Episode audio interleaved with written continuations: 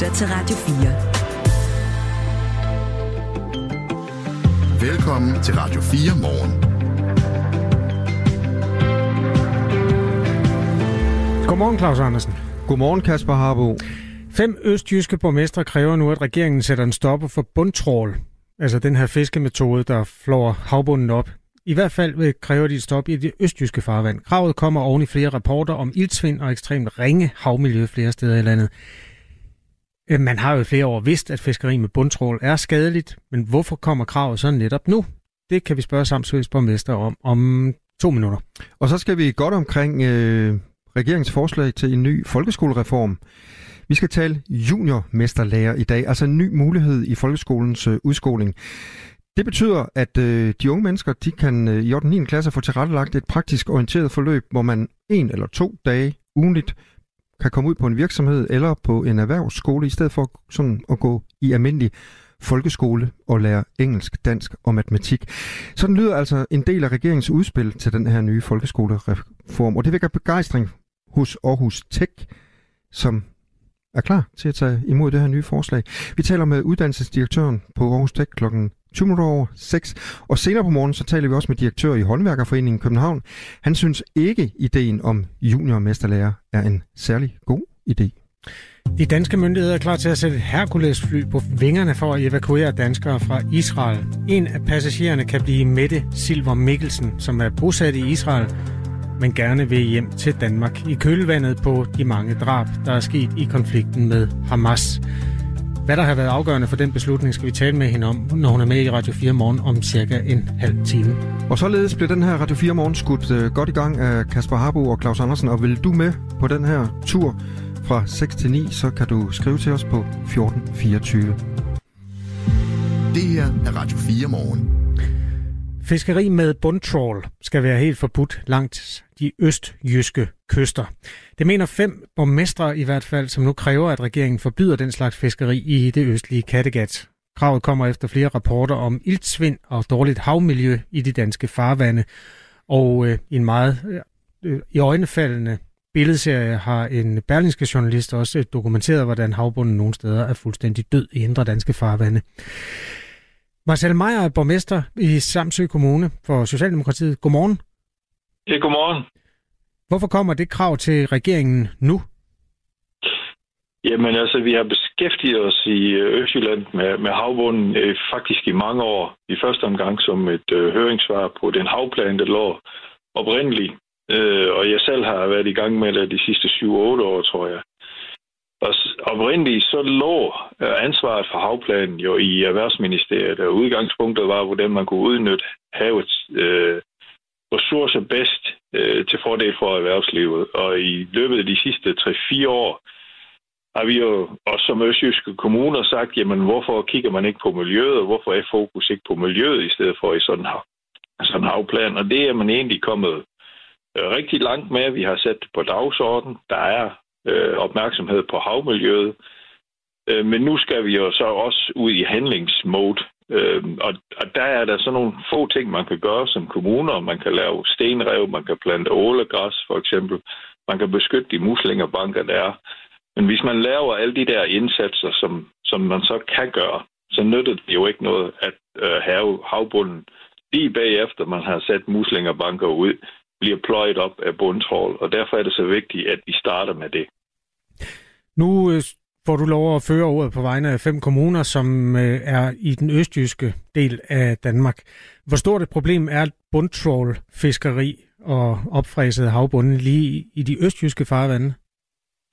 Jamen egentlig så har vi ikke så meget erhvervsfiskeri, og derfor øh, er der heller ikke så mange øh, erhvervsfiskere til hensyn til. Men, men som jeg sagde før, de ting, man kan gøre de små projekter, som vi så gerne vil i gang med som kommuner, de bliver jo fuldstændig ødelagt, når der så bliver øh, bundtrål i Østjylland, og havbunden bliver pløjet op øh, lige bagefter, man har brugt rigtig mange penge på et havmiljøprojekt. Så derfor er det næsten en betingelse for at komme i gang med at forbedre havmiljøet i Østjylland. Bundtrål, det betyder, at store fiskeriredskaber bliver trukket hen over havbunden. Det risikerer at ødelægge vandplanter og virvle næringsstoffer op, og det kan føre til iltsvind. Og netop iltsvind er jo et stort tema i de her dage. Øhm, det er Aarhus, Odder, Syddjurs, Horsens øh, og så Samsø Kommune, der i fællesskab kommer med det krav her. I kølvandet på også en rapport fra Aarhus Universitet, der viser, at store dele af det danske farvand er ramt af ildsvind. Det berørte område i Indre Danske Farvanden er et område på størrelse med Sjælland. Ildsvind det går hårdt ud over de dyr, der lever på bunden, og det er jo altså også fisk. Og smådyr og fisk søger væk, mens orme og muslinger og andre fastsiddende organismer de dør. Skal det her ses som signal om, at der ikke bliver gjort nok fra regeringens side, når det nu er regeringen, I rækker ud til? Ja, men jeg, som socialdemokratisk borgmester har jeg ikke meget lyst til at blive brugt som, øh, som et eksempel for, hvordan regeringen egentlig undlader øh, at påvirke miljøet. Altså, som nu er der jo tre partier været... i regeringen, Marcel Meyer, så ja, du kan bare række ud ja, efter de ja, andre, hvis det er. Jo, men jeg kender jo godt, jeg kender jo godt det, at, at vi som øh, socialdemokratiske borgmester bliver ringet op og gerne skulle komme med kritik. Men som jeg sagde, det, jeg har været i gang med det her i 7-8 år, og vi har skiftet fokus i den sidste valgperiode, og det har den socialdemokratiske regering også været med til. Nu skal vi i handlingsmåde. Det skal handling til. Det skal handling til fra staten. Vi også som kommuner kan lære projekter, men det kræver, at der ikke bliver bundtråd i Østjylland, ellers er det hele tabt på gulvet igen. Og det vil vi gerne have regeringen til nu. Ja, og det er en regering, der består af Socialdemokraterne, som jo har haft magten sammenlagt øh, fem år nu, og så er Venstre og Moderaterne også trådt ind. Moderaternes formand hedder Lars Løkke Rasmussen, og han har jo tidligere været statsminister for Venstre og været med til at øh, arbejde sammen med landbruget omkring det her. Det er et af de felter, hvor der, altså hvis man spørger forskerne, i hvert fald er sket for lidt. Altså, jeg kan ikke finde ud af, om du synes, der er sket for lidt, eller du bare synes, at der er sket lige tilpas, og nu skal der ske noget mere. Jamen altså, der, der er sket for lidt. Der, der er sket okay. for lidt de sidste 40 år. Men øh, det, kan jo, det kan jo ikke nytte noget, det bliver til en nyhed omkring, om regeringen gør det godt nok eller ej. Vi skulle gerne i gang med at forbedre havmiljøet. Øh, og de projekter, vi så kan gøre som, som kommuner øh, med hjælp fra staten indimellem, det, det, altså det, det fører til, at vi øh, får små forbedringer. Der, hvor den store kamp ligger, det er jo kvælstofudledningen. Og der skal vi jo i gang med en, en meget større øh, omgang øh, hvor vi også skal i dialog med landbruget. Øh, mm. og, og, og der vil jeg så sige, at det her med kvælstofudledning, det er i forhold til landbruget meget vigtigere end CO2-udledning, for der har vi ikke øh, rigtig nogle instrumenter i landbruget endnu, hvor man kan se de store forbedringer, men i forhold til kvælstof kan man gøre rigtig meget, og meget af det vil også gå hånd i hånd. Så det er jo egentlig den, den store kamp, øh, det skal gøres for at forbedre havmiljøet i, på, i et perspektiv på de næste 20 år. Bjarne Holm er stået op. Han har telefon og kan skrive til nummer 1424, som alle kan. Han skriver, at det her fiskeri med bundtrål, det svarer til dynamitfiskeri. Prøv at ringe til kvotekongens, kvinde, øh, kvotekongens ven, skriver han så, øh, og, og navngiver en tidligere statsminister, som angiveligt har gode venner i fiskeriet. Øh, det, det er vist over i kategorien øh, politisk drilleri, men ikke desto mindre jo en budbringer om, at der sidder mennesker i regeringen, som skal tage imod det, I kommer med her. Hvordan har de taget imod det indtil videre? Jamen, altså nu har vi jo lige lanceret det. Øh, man, må, man må sige, at, at der ligger en forventning om, at der kommer en rapport om, omkring, ja, hvordan øh, fiskeri skal udvikle sig i de kommende år. Men det synes jeg egentlig ikke rigtigt, vi kan vende på. Og som jeg sagde før også, der er ikke rigtig så meget erhvervsfiskeri i Østjylland. Så lad os nu komme i gang med at forbyde det her bundtrål i, øh, i Aarhus Bugt, øh, så vi også kan komme i gang med vores øh, miljøprojekter. Altså det synes jeg egentlig ikke rigtigt, vi behøver at vente på. Jeg får en, en plan for, hvor den bundtrål, eller hvor bundtrål skal forbydes i, i hele Danmark. Tak fordi du var med her til morgen, Marcel Meier. Ja, selv tak der.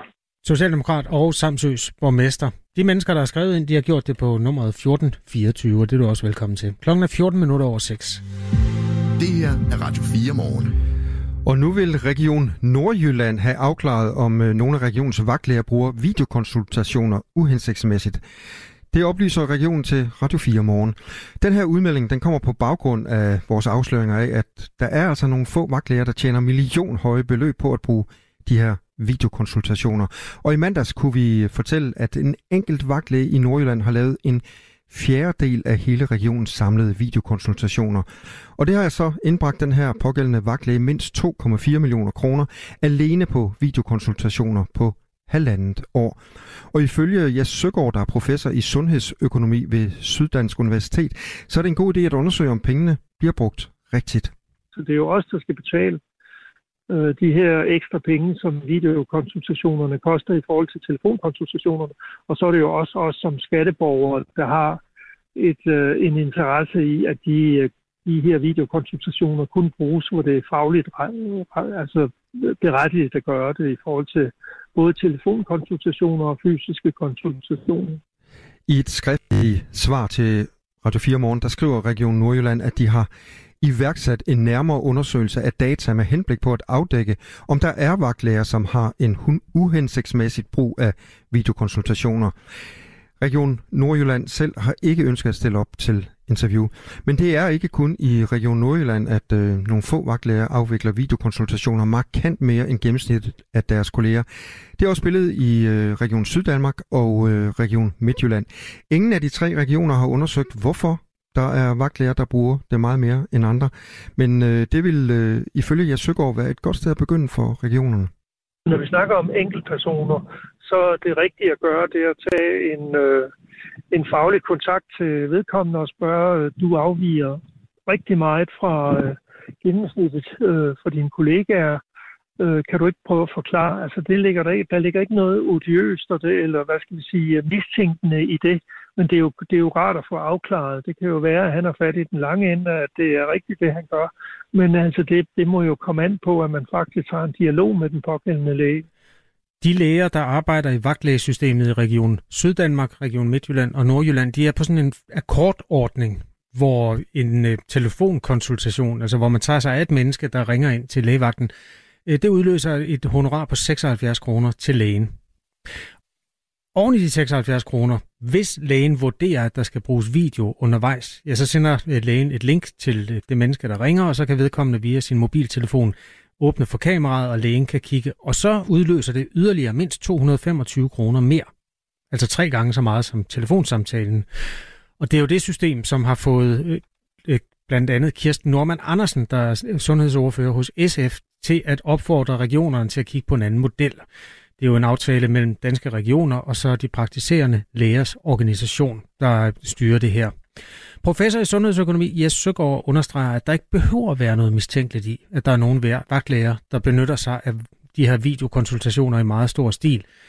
Men han kan heller ikke afvise, at muligheden for, at de tjener mange penge på det, kan spille en rolle. Man kan ikke udelukke, at der er nogen, der er hurtigere til at tænke økonomisk her. Man kan heller ikke udelukke, at der, og sådan er det altid, når, når, når man tager ny teknologi i brug, at der er nogle læger, der er hurtigere til at i brug tage den, og andre de er lidt mere langsommere, de skal se tiden an og så videre. Region, øh, nej undskyld, Radio 4 Morgen, det er også, vi har øh, spurgt hos Region Syddanmark og Midtjylland og Nordjylland, om de har haft samtaler med vagtlæger, der afvikler videokonsultationer i meget stor stil. Det er der ikke nogen af regionerne, der har haft, øh, men nu har Nordjylland altså, og det er det nye i den her sag, tilkendegivet, at de vil undersøge, om videokonsultationer nogle gange bliver brugt i ja, for stor stil, eller uhensigtsmæssigt, for at bruge det udtryk, som man øh, bruger der. Når vi den her uge har fokuseret på, hvad de kan tjene på det, øh, lægerne, så er det fordi brugen af video i alle regioner er stigende. Region øh, Sjællands tal er lidt ufuldstændige, men regionen oplyser, at anvendelsen af video er steget det sidste år. De fire andre regioner, der har der været en stigning på 30 procent i brugen af video fra mennesker, som altså ringer ind til lægevagten uden for de normale åbningstider i lægehusene. Tidligere har vi også fokuseret på patienters sikkerhed, når der bliver brugt video i akutte situationer. En vagtlæge har fået kritik for at overse symptomer på en blodprop i benet hos en gravid kvinde ved navn Mette Filt. Nej, det ser sgu på ingen måde alarmerende ud, Mette. Nej, Nej. jeg har bare rigtig ondt. Har du taget noget for smart, altså noget panodil eller Nej, noget? det har jeg ikke. Nej. Jeg synes, øh, du skal tage noget panodil, og så ellers gå op til din lærer for at kigge på det i morgen. Ja. Fordi jeg synes ikke, det ser som, det skal være noget blodpropper eller noget som... Okay. Ja, okay. Yes. Ja, det er fint. Hej. Det her det har altså udløst kritik øh, af den pågældende vagtlæge. Vi sætter fokus på de her videokonsultationer, det gør politikerne også, og blandt andet har Dansk Folkeparti's sundhedsordfører Mette Thiesen efterlyst, at man får evalueret hele brugen af videokonsultationer i vagtlægeordningen. Du kan høre mere om vagtlægernes guldæg og nogle af de andre sager i øh, den serie ved at finde Radio 4 undersøgers podcast. Den hedder Fokus. Så hvis du går ind i din podcast-app og skriver Fokus, så finder du frem til den. Klokken er 20 minutter over 6, og det her det er torsdag morgen på Radio 4. Du lytter til Radio 4. Måske fordi du ikke allerede har bestemt dig for, hvad du mener om alting. Radio 4. Ikke så forudsigeligt. Nu skal det være muligt at komme i juniormesterlærer i folkeskolens udskoling. Og hvad er så juniormesterlærer? Det betyder, at øh, de unge mennesker kan skifte en til to dages almindelig skolegang ugenligt ud med praktik, enten på en virksomhed eller på en erhvervsskole.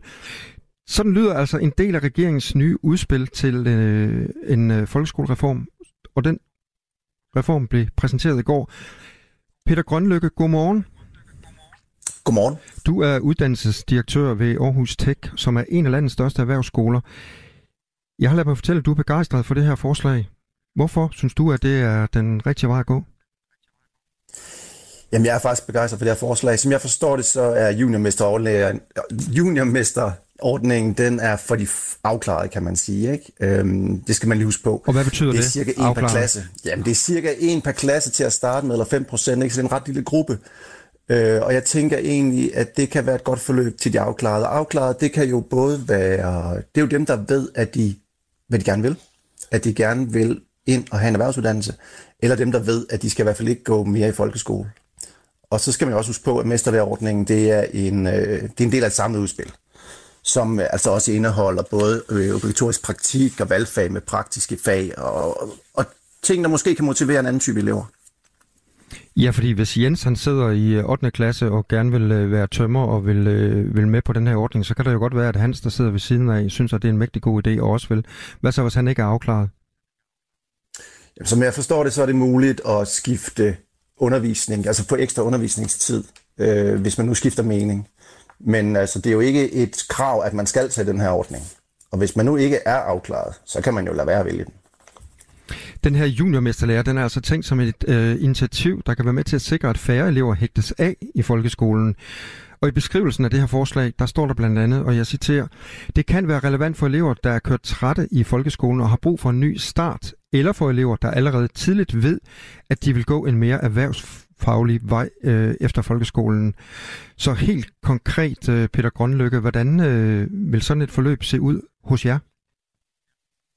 Altså jeg forestiller mig, når man starter i hvad der svarer til 8. klasse, så vil man skulle rundt og se en masse forskellige uddannelser. Man vil skulle se, det ved jeg ikke, data, IT og mediegrafik og industriteknik og kok og elektrik osv., hvor man ligesom får noget praktisk undervisning og kommer ud i værkstederne.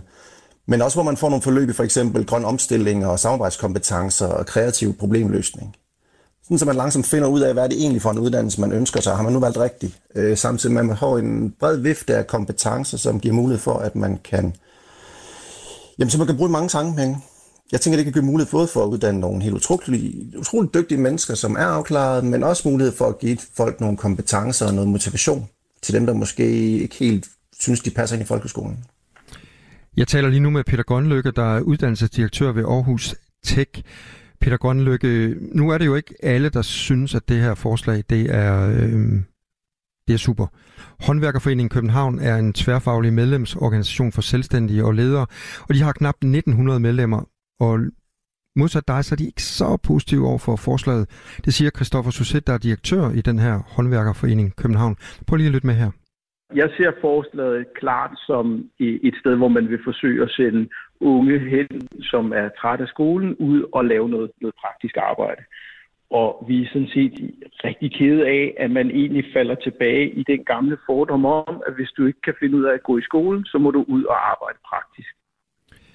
Hvis du er dum, så kan du altid blive tømmer. Hvordan øh, forholder du dig til det synspunkt?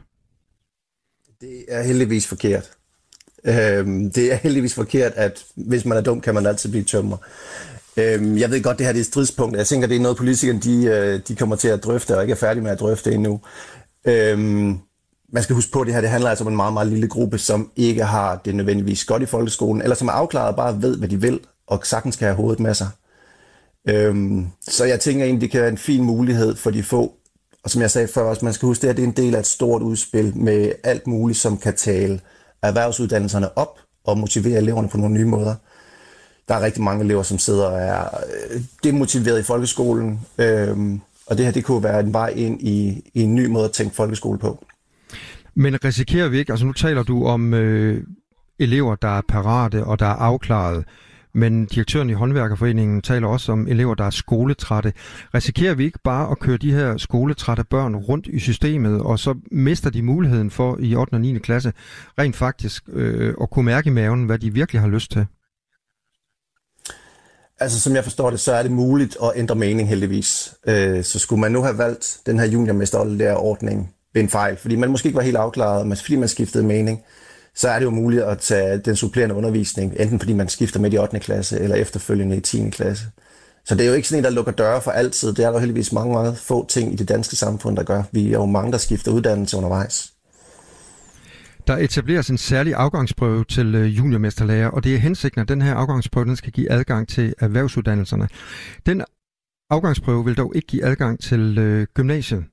Regeringen regner med, at 5.000 børn vil tage imod tilbuddet om den her 2 plus 3 ordning, som den også øh, bliver kaldt. Nu regner regeringen med, at øh, 5.000 børn vil tage imod ordningen. Hvor populært et alternativ tror du, at det her det bliver sådan til den øh, almindelige folkeskole? Jamen altså 5.000 elever på landsplan, det lyder som et stort tal, men det er det i virkeligheden ikke. Det er noget med en per klasse, eller 5 procent, eller sådan eller andet. Så det er i virkeligheden ikke noget alternativ til, til den almindelige folkeskole. Det er et tilbud til dem, der er afklaret og har brug for et, et andet tilbud. Hvor meget håber du på, at øh, det her forslag det bliver en realitet? Det håber jeg da rigtig meget på. Øh, som en del af en pakke selvfølgelig med obligatorisk øh, praktik og med nogle fede valgfag, som eleverne kan, kan nyde godt af at blive motiveret af. Sådan sagde altså Peter Grønlykke, der er uddannelsesdirektør ved Aarhus Tech. Tak fordi du var med her til morgen. Selv tak. God, god morgen. Senere på morgen så taler Undskyld, Claus. det var mig, der trykkede den i gang. Det var fordi, jeg... Ja, eller også var jeg lidt langsom om at komme i gang. Det kan være. Jeg skylder ja. lige lytterne at sige, at vi taler med Christoffer Succes, som er direktør i håndværkerforeningen København.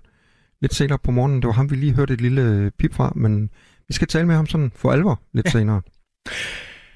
Det er øh, den 12. oktober i dag, og temperaturen den kommer til at ligge mellem 10 og 13 grader. Der kommer til at kigge en sol frem. Den ligger sådan lidt på lur bag en sky, og det gælder jo et, uanset om du kigger på den regionale vejrudsigt for Jylland, Sjælland eller Fyn. Det interessante er, om vi kan få sat en Danmarks rekord i oktober temperatur. Noget tyder på det, fordi september var den varmeste, der den var målt i de 134 år, man har data fra. Og det går også over stok og sten med varmen i øjeblikket. Hvor varmt skal vi have en oktober, for det bliver en rekord? Nå, jamen, øh, sidste år blev der sat rapport, rekord på et sted mellem 11 og 12 grader, og den normale oktobertemperatur, den er 9,4 i gennemsnit. Jeg går ud fra, at det er noget målt i dagtimerne, ja. fordi den falder om natten, ikke? Øhm, men indtil videre, der ligger det jo... Jeg ved ikke, om du har været i stand til at bevæge dig ud om, om natten eller aftenen. Jamen, øhm, det gør jeg jo om natten. Jeg møder klokken 4. Ja, ja, der kan du Så bare jeg er den grad ude om natten. Ja, men det er vel ikke... Er du begyndt at... Har du taget handskerne frem? Ikke nu. Nej. I går gik jeg en tur i en af cafégaderne i den by, jeg bor i, som hedder Aarhus. Og øh, altså, der er stadig folk, der sidder ude ved bordene, sådan ren, øh, ligesom på det der Van Gogh-maleri øh, du, under månen. Ja. Og nogen har måske lige taget tæppe over knæene, men det er jo stadigvæk sådan temperatur til, at man kan sidde ude. Det er sådan noget, man normalt skal rejse til Barcelona for at opleve her i u 41-42 stykker, ikke? Øhm, I dag bliver det som sagt mellem 10 og 13 grader. Det er jo ikke, fordi det i sig selv er fuldstændig alarmerende. Men, øhm, det er nok til, at du kan undgå at tage den varme jakke på. Ja. Stadigvæk. Og det vil nogen sige, det er en god nyhed. Ja. Så er der også nogle forskere, der kigger anderledes på det. Men det er op til den enkelte. Du behøver ikke handsker i dag i hvert fald. Det var bare for at berede folk på det. Det er sådan en dag. Radio 4 Morgen kommer til at se nærmere på nogle af de danskere, der er kommet i klemme i den konflikt, eller krig, eller hvordan man nu, hvilket ord man nu skal bruge, mellem Israel og Palæstina, eller det palæstinensiske selvstyre. Øhm, og der er altså nogle danskere, som gerne vil hjem til Danmark. De danske myndigheder er klar til at få nogle af dem hjem, det fortæller Udenrigsministeriet i en pressemeddelelse. Og en af dem, der bliver glad for det, hende skal vi tale med efter nyhederne. Klokken er halv syv. Nu er der nyheder på Radio 4. Lederen af den palæstinensiske selvstyremyndighed Mahmoud Abbas skal mødes med USA's udenrigsminister Anthony Blinken i morgen. Det oplyser en palæstinensisk embedsmand her til morgen ifølge nyhedsbureauet Reuters. Det er uklart, hvor mødet skal afholdes. De to parter var i telefonisk kontakt lørdag, samme dag som Hamas-bevægelsen indledte sit storstilede angreb mod Israel.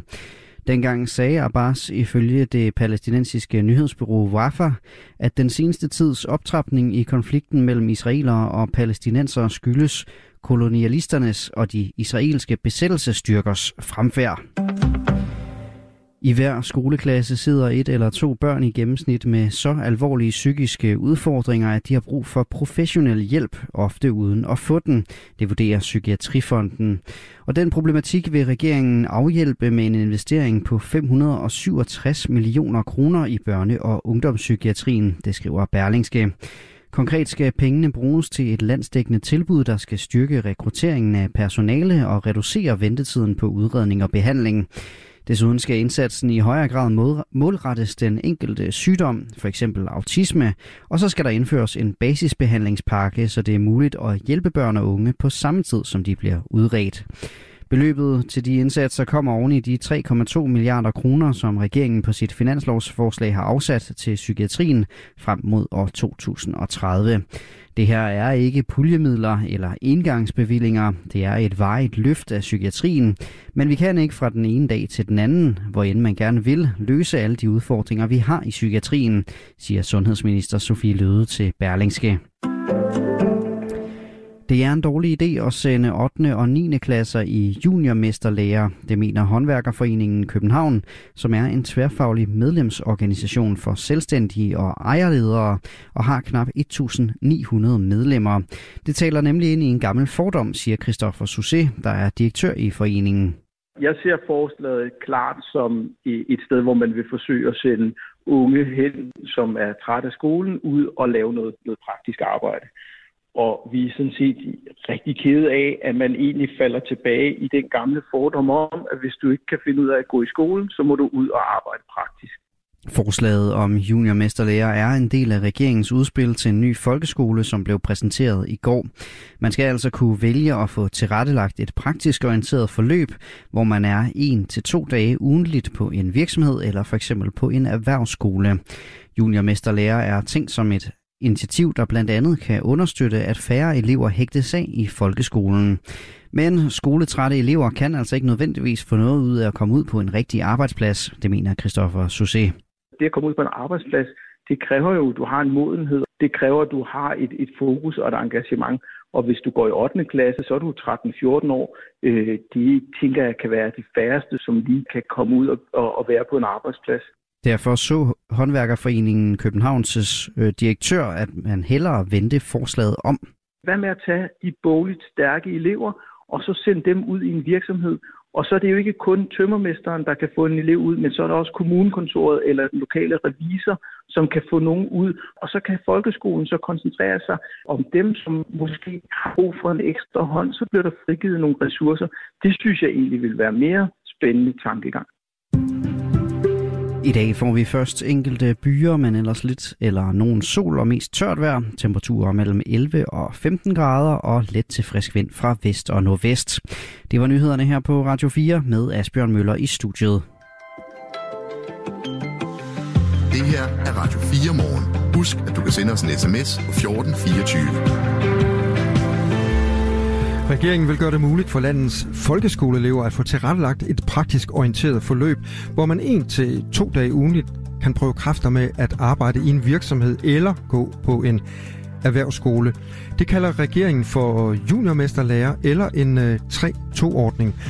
På Vestermarkskolen i Svendborg, der kender de faktisk allerede til den her ordning. På skolens erhvervslinje er det nemlig en mulighed allerede nu. Og lige om lidt så taler vi med 15-årige Stine, som nyder at have en mere praktisk orienteret skoledag. Der er flere, der har skrevet til os omkring det her forløb. Nogle synes faktisk, det er en rigtig god idé, men der er jo også nogle dilemmaer i det. Michael Jensen, han skriver, der påviler de virksomheder, der går ind i et juniormesterlærerforløb, et stort ansvar for, at eleven vælger en erhvervsuddannelse sidenhen, og ikke løber skrigende væk, fordi man er blevet brugt til billig arbejdskraft. Det er jo faktisk et af de meget vigtige punkter i den sag også. Ja, det er det. Tak for post skrevet ind på nummer 1424. Vi kommer til at gå meget dybt med 3-2-ordningen, som den hedder, så smukt i løbet af morgenen. Så hvis der er nogen, der har erfaringer med det, altså har prøvet noget lignende i deres skoletid, fordi der har jo eksisteret ordninger, der ligner det lidt, jamen så skriv meget gerne til os på nummer 1424. Eller hvis du sidder derhjemme øh, og har en knægt eller en pige, som er skoletræt, og godt kunne bruge sådan en 3-2-ordning, så vil vi meget gerne høre om det også. Helt klart. Nummeret er 1424. Godmorgen. Du lytter til Radio 4. De danske myndigheder er klar til at hjælpe med at få danskere, der bor i Israel og det palæstinensiske selvstyre, tilbage til Danmark. Det oplyser Udenrigsministeriet i en pressemeddelelse. Troels Lund Poulsen, der er forsvarsminister, han øh, fortæller på TV2 sådan her. Jeg vil gerne starte med at sige, at øh, jeg her t- til morgen har øh, taget en beslutning om, at øh, vi nu øh, stiller et C-130 fly til rådighed øh, med henblik på at evakuere de danskere, der står på, på danskerlisten øh, i Israel. Og det er min klare forventning, at vi hurtigst muligt vil så se, øh, at det fly øh, er til rådighed øh, i forhold til øh, at starte en evakueringsindsats. En af de danskere, der er glad for den beslutning, det er Mette Silver Mikkelsen, som bor lidt nord for Tel Aviv sammen med sin israelske mand og deres barn. Godmorgen. Godmorgen.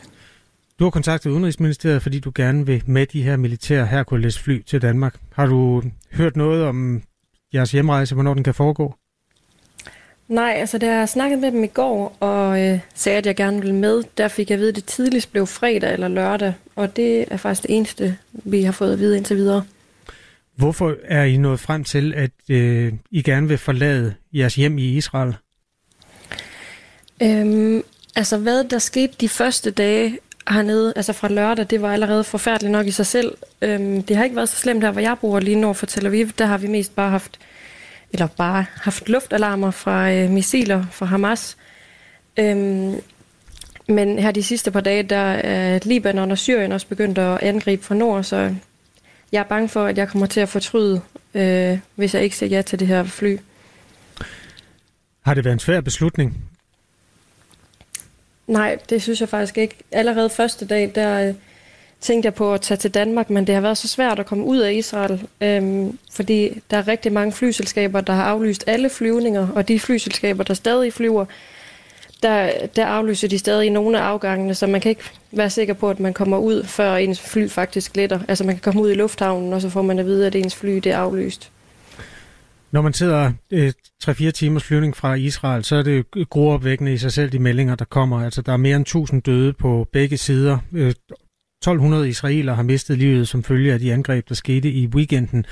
Og på den anden side har over 1000 palæstinenser mistet livet i de israelske angreb mod øh, Gaza.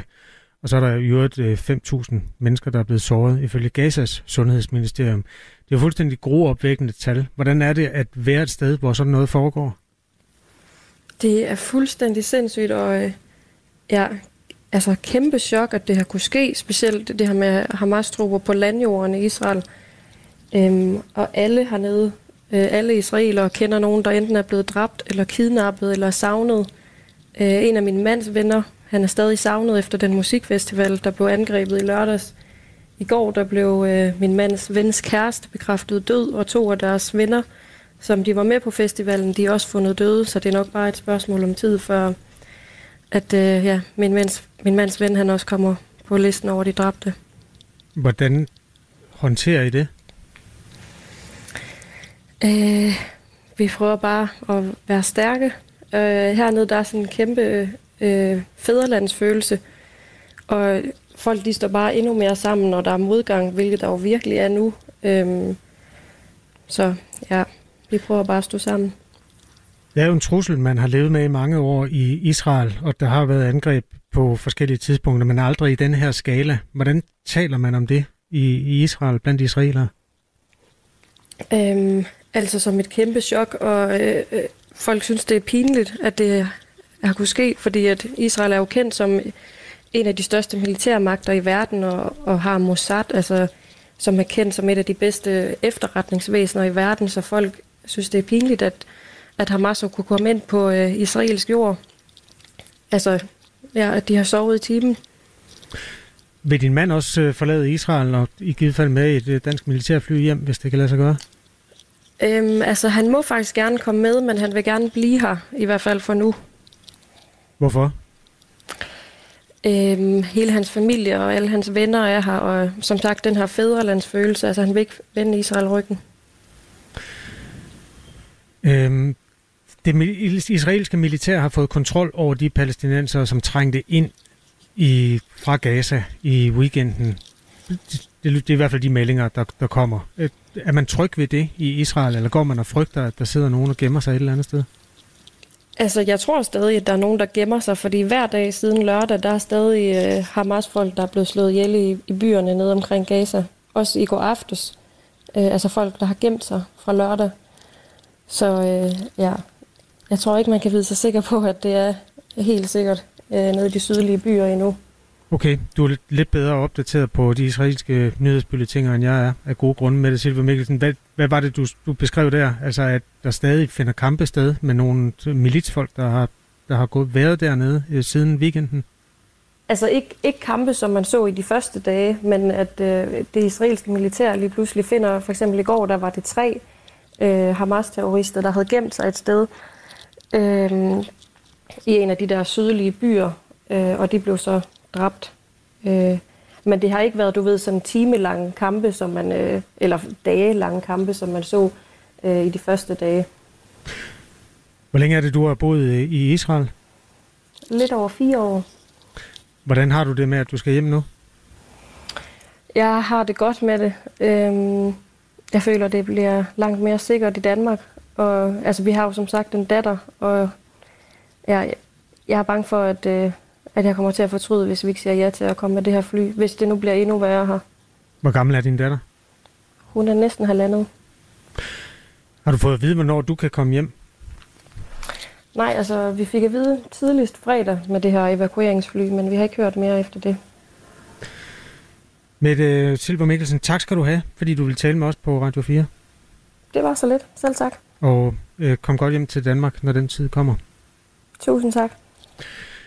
Øh, senere, efter nyhederne kl. 7, der skal vi tale med øh, Kenneth Ølenslæger Bull om nogle af de mere militære ting, der foregår i øjeblikket. Sagen er jo den, at øh, Israel er gået til angreb i forsøget på at øh, nedlægge Hamas en gang for alle. Det kræver også en masse civile ofre, så på den måde er der også nogle aspekter i det der, som handler om krigens love. Krigens love blev heller ikke på nogen måde overholdt, da Hamas gik ind i Israel i weekenden, og derfor er der en hel masse diskussioner i øjeblikket om det. Primært er det jo altså tragedier, der udspiller sig lige mens vi taler her den 12. oktober. En meget rørende og nær historie, vi fik fra Mette Silva Mikkelsen i, i Tel Aviv. Ja.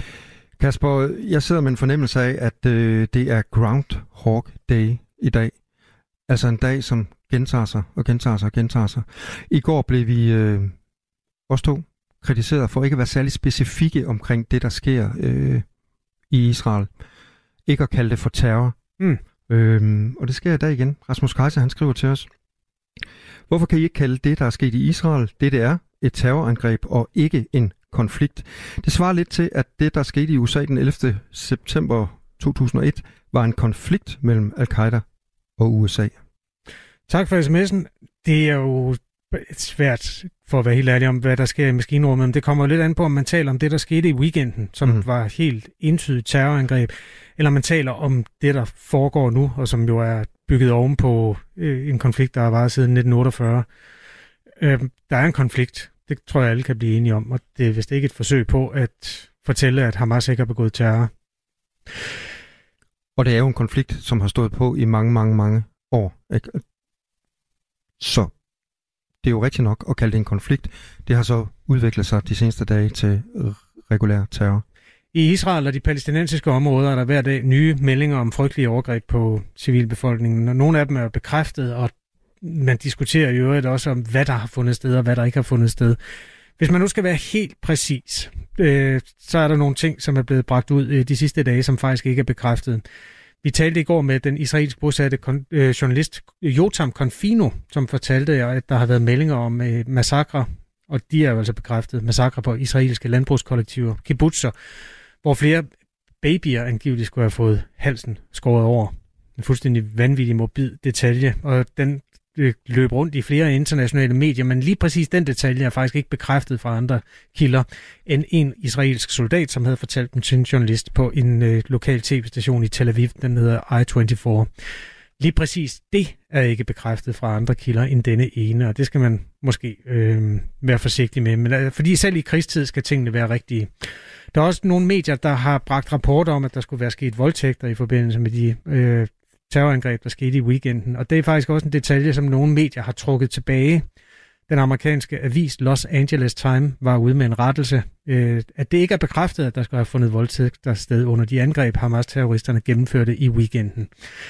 Det kan godt forekomme at være en rimelig ligegyldig detalje i det kæmpe store billede, fordi det, der uden tvivl er sandt, er, at mange hundrede civile er blevet skudt i de angreb, der fandt sted i weekenden.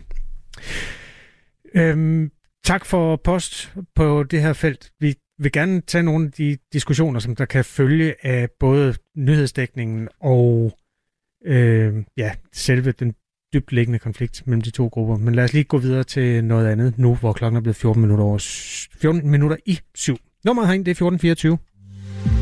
Det her er Radio 4 morgen. Det skal være muligt at komme i juniormesterlærer i folkeskolens udskoling. Sådan lyder en del af regeringens udspil til øh, en ny folkeskolereform. Man skal altså kunne vælge at få tilrettelagt et praktisk orienteret forløb, hvor man en til to dage ugenligt er på en virksomhed eller på en øh, erhvervsskole. Men allerede nu, så findes der faktisk en øh, lignende skoleform øh, i den danske folkeskole. Det gør der blandt andet på Vestermarkskolen i Svendborg, for der har de i dag en erhvervslinje, hvor praktik netop er en del af skoledagen. Her går man som elev i 8. eller 9. klasse tre dage i skole og to dage i praktik hver eneste uge. Og det er altså ret meget øh, samme forslag, som juniormesterlæreren øh, lægger op til. Og en af dem, der har erfaring med at gå i skole på den her måde, det er Stine Marie Bang Rasmussen. Godmorgen. Godmorgen. Du er 15 år gammel, du går i 9. klasse på Vestermarkskolen i Svendborg. Ja. Ja, prøv lige at, øh, sådan, at male et billede af, hvordan din øh, skoleuge ser ud. Ja, min skoleuge den øh, består af to, uger, to gange i ugen, hvor jeg er i praktik. Og en, en gang imellem, så er vi med skolen ude på nogle forskellige erhvervsskoler og øh, kigge lidt ind i, hvordan øh, det, det er, øh, og hvordan de forskellige ting er. Stine Marie, hvor, øhm, hvorfor valgte du den her øh, ordning? Jeg valgte den her ordning, fordi at øh, der er mere med hænderne. Øh, vi arbejder mere med hænderne, og øh, der er lidt øh, mindre undervisning, og så er der færre i klassen. Og hvad betyder det for dig, at du kan arbejde med dine hænder, og der er færre i klassen? Det betyder, at der er, det er nemmere at lære, og du får lidt mere hjælp, end du gør, hvis du sidder i en almindelig klasse. Jeg taler lige nu med Stine Marie Bang øh, Rasmussen øh, fra Svendborg. Hun er 15 år gammel, går i 9. klasse på Vestermarkskolen, og øh, allerede nu, så er hun faktisk i sådan en slags 3-2-ordning, øh, som øh, regeringen øh, forslag, foreslår, skal øh, implementeres i, i den nye folkeskole. Men jeg bliver også lidt nysgerrig på, Stine Marie, hvad er det for noget arbejde, du øh, så laver, når du er når du er ude i praktik? Altså lige nu, der er jeg i praktik nede, hos en, nede i Maxisu nede i Svendborg. Ja, hvad laver du der? Mm, jeg sætter ting på plads og retter tingene, hvis de ikke står ordentligt. Men Stine Marie, hvorfor er det bedre for dig at være nede i øh, Maxisu og, og, og sætte ting på plads, end det er at sidde øh, oppe i klassen og øh, lære matematik for eksempel? Mm, det gør, at øh, jeg arbejder lidt mere i hænderne, og så er det øh, så giver det bedre læring at have det i hænderne, end at, og, end at sidde ved en tavle og lære det. Så hvad er det, du, øh, du lærer at få ud af at, at, at gå op i, i Maxis uge? Altså, hvad gør det ved dig, når du, når du går rundt der og, og gør de her ting? Det gør mig mere modig, og det gør, at jeg har nemmere ved at lære det i hænderne, og jeg kommer mere ud i det, end at lære det fra bogen. Og jeg bliver mere klar til, når jeg skal ud og arbejde. I forbindelse med forslaget om øh, juniormesterlærer, så kommer der til at være en særskilt afgangsprøve, og det er hensigten, at den her afgangsprøve skal give adgang til erhvervsuddannelser. Men den afgangsprøve vil dog ikke være adgangsgivende til for eksempel øh, gymnasiet. Og det samme gør sig gældende for dig, øh, Stine Marie. Du skal også enten søge en erhvervsuddannelse, et arbejde eller en praktikplads efter 9. klasse. Så hvilke overvejelser har du allerede nu gjort dig omkring det? Altså, hvad du skal bagefter Jamen, jeg har valgt at skulle være øh, sygeplejerske igennem sociouddannelsen. Og det er en erhvervslinje, eller erhvervsarbejde. Så det ved du allerede nu, at det er det, er det du skal? Ja. Vi har også talt med øh, Håndværkerforeningen i København, som er en øh, tværfaglig medlemsorganisation for selvstændige og ledere. Og den forening har 1900 medlemmer, og ideen om juniormesterlærerordning er ifølge dem ikke en særlig god idé. Det siger Christoffer Susse, som er direktør i øh, den her håndværkerforening i København. Prøv lige at lytte med her, Stine Marie. Jeg ser forslaget klart som et sted, hvor man vil forsøge at sende unge hen, som er træt af skolen, ud og lave noget, noget praktisk arbejde. Og vi er sådan set rigtig kede af, at man egentlig falder tilbage i den gamle fordom om, at hvis du ikke kan finde ud af at gå i skolen, så må du ud og arbejde praktisk. Jeg taler med Stine Marie Bang Rasmussen, 15 år gammel og går i 9. klasse på Vestmarkskolen i Svendborg, og er altså allerede i øh, sådan et øh, 3-2-forløb. Stine øh, Marie, hvad tænker du, når du hører øh, en mand som Christoffer Søsse sige, at det her det ikke er en særlig god idé? At det er, det er bare for, for unge mennesker, som er blevet trætte og ikke rigtig ved, hvad de skal, og måske ikke kan følge med i, i skolen? Altså, jeg synes, det er en god idé, og vi bliver mere trætte. Der, der bliver taget mere hånd om, om dem, der er trætte af at gå i skole. Jeg kan høre, at din mor hun hjælper dig lidt på vej. ja. Men det er også okay. Så du synes, det er en god idé? Ja. Tak skal du have, Stine Marie Bang Rasmussen, øh, fordi du var med her til morgen. Det var så lidt. Kan du have en god dag? I lige måde. Og, og hils over i Maxi Zoo. Klokken er 8 minutter i 8. Der er faktisk flere mennesker, der skriver ind på det her felt. Blandt andet Marlene fra Vordingborg, der er altså også fulgt med i de nyheder, der kom i går, da øh, børne- og undervisningsminister Mathias Tesfaye lancerede denne her ordning. Hun skriver, øh, jeg synes, det er fint, hvis udskolingselever kan få indblik i erhvervslivet et par dage om ugen, men der bør ikke udelukke muligheden for optagelse på en gymnasieuddannelse. Hvis eleven kan bestå folkeskolens afgangseksamen med et gennemsnit svarende til optagelseskravene til gymnasiet, så skal de ikke tvinges til at tage erhvervsuddannelse, hvis de vælger at gøre brug af det her nye tiltag. En boglig dygtig kan jo være lige så skoletræt som en ikke boglig dygtig. De unge mennesker skal alle have mulighed for at vælge, hvad de vil beskæftige sig med, skriver mennesket her. Øhm, en anden, det er Michael fra Kolding. Gud, han har travlt i dag. Det er tredje gang, du skriver ind, Michael. Tak for det. Øhm, det er som om et borgerligt menneske slet ikke kan sætte sig ind i, at nogen er teoretikere. Og dem har vi fandme nok af. Nogle er praktikere, heldigvis. Ellers havde vi aldrig fået bygget et hus, eller kørt på en vej, eller krydset et farvand via en bro, skriver Michael Jensen. Der er ild i Michael i dag. Godt nok. Jakob er fra København og skriver håndværksmestre, der reproducerer en fordom om dumme håndværkere. Det er dumt. Den der med dumme håndværkere, hvad var det, der blev sagt der? Vil du ikke lige resumere det? Eller hvis man var dum, kan man altid blive tømmer, eller hvordan var det, det blev udlagt? Ja, det var sådan set mig, der, der udlagde det på den måde. Men det er jo sådan essensen af det, som øh, direktøren for håndværkerforeningen, øh, han siger, at hvis øh, eleverne de er trætte, og de ikke øh, kan følge med i skolen, sådan var det tidligere, sådan har det været rigtig mange år. Han er ked af, at vi falder tilbage til den fordom om, at det er ugidelige situationstegn, dumme mm. unge mennesker, som, øh, som tager de her øh, erhvervsuddannelser.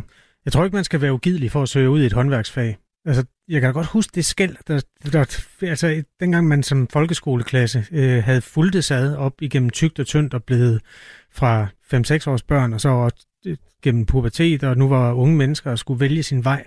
Og pludselig var der bare altså to retninger, hvor nogen mm. gik ud for at tage værktøj i hænderne og lynhurtigt fik et, et andet sprog og også en helt anden modenhed, fordi de skulle stå op klokken syv, og de skulle øh, arbejde otte timer om dagen, og de, ja, de blev stærkere, og de voksede øh, sådan lidt fysiske styrke i forhold til os andre gymnasieborgere.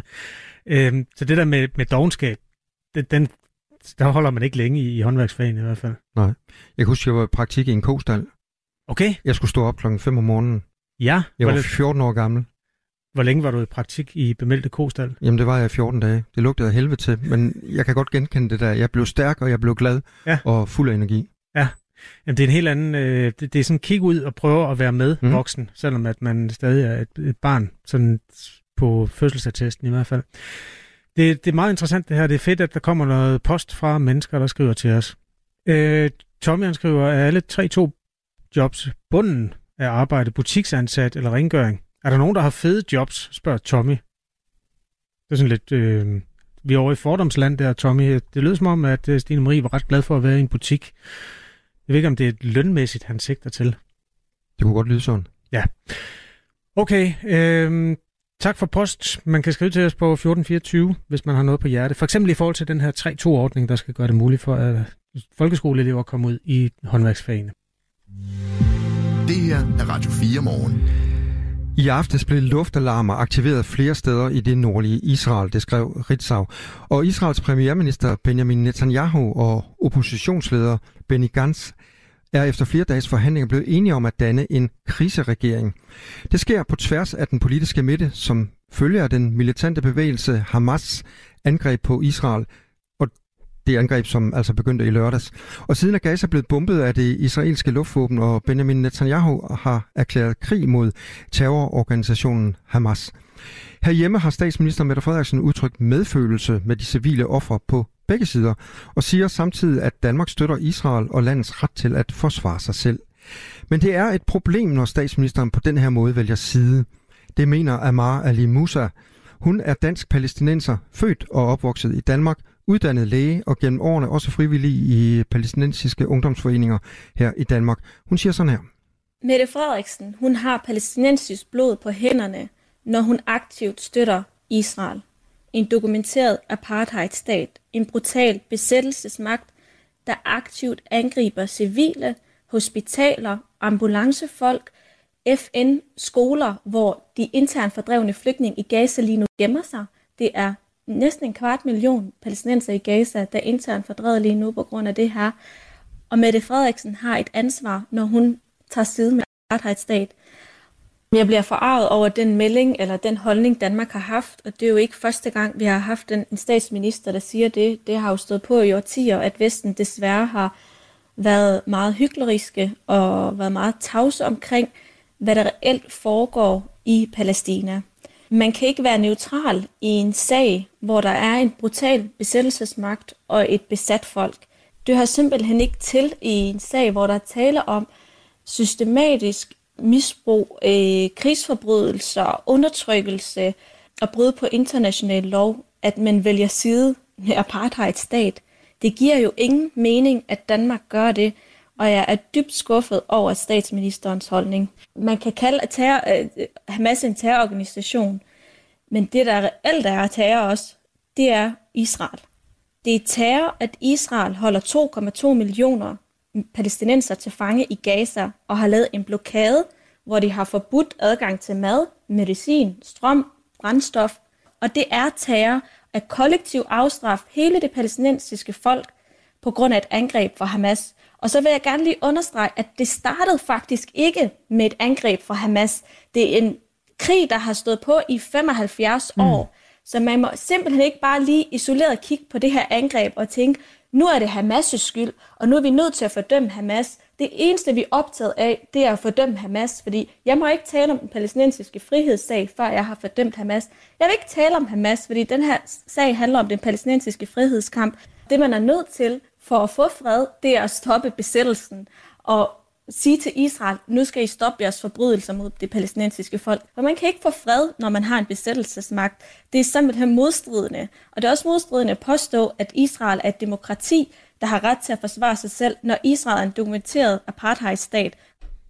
Sådan sagde altså Amar Ali Musa, dansk palæstinenser, født og opvokset i Danmark, uddannet læge og gennem årene også frivillig i palæstinensiske ungdomsforeninger her i Danmark. Der skal nok være nogen, der har lyst til at kommentere det her. Det er der altså også mulighed for i nummer 1424. Israel svarer som sagt øh, hårdt igen med raketter ind over Gazastriben nu, hvor der bor mere end 2 millioner palæstinenser. Og det stiller jo spørgsmålet, om Israel begår krigsforbrydelser, når de skyder raketter ind over Gaza. Det undersøger vi om fem minutter med, med hjælp fra en militæranalytiker, der hedder Ken Lølsler Bull fra Forsvarsakademiet. Du har lyttet til en podcast fra Radio 4. Find flere episoder i vores app, eller der, hvor du lytter til podcast. Radio 4. Ikke så forudsigeligt.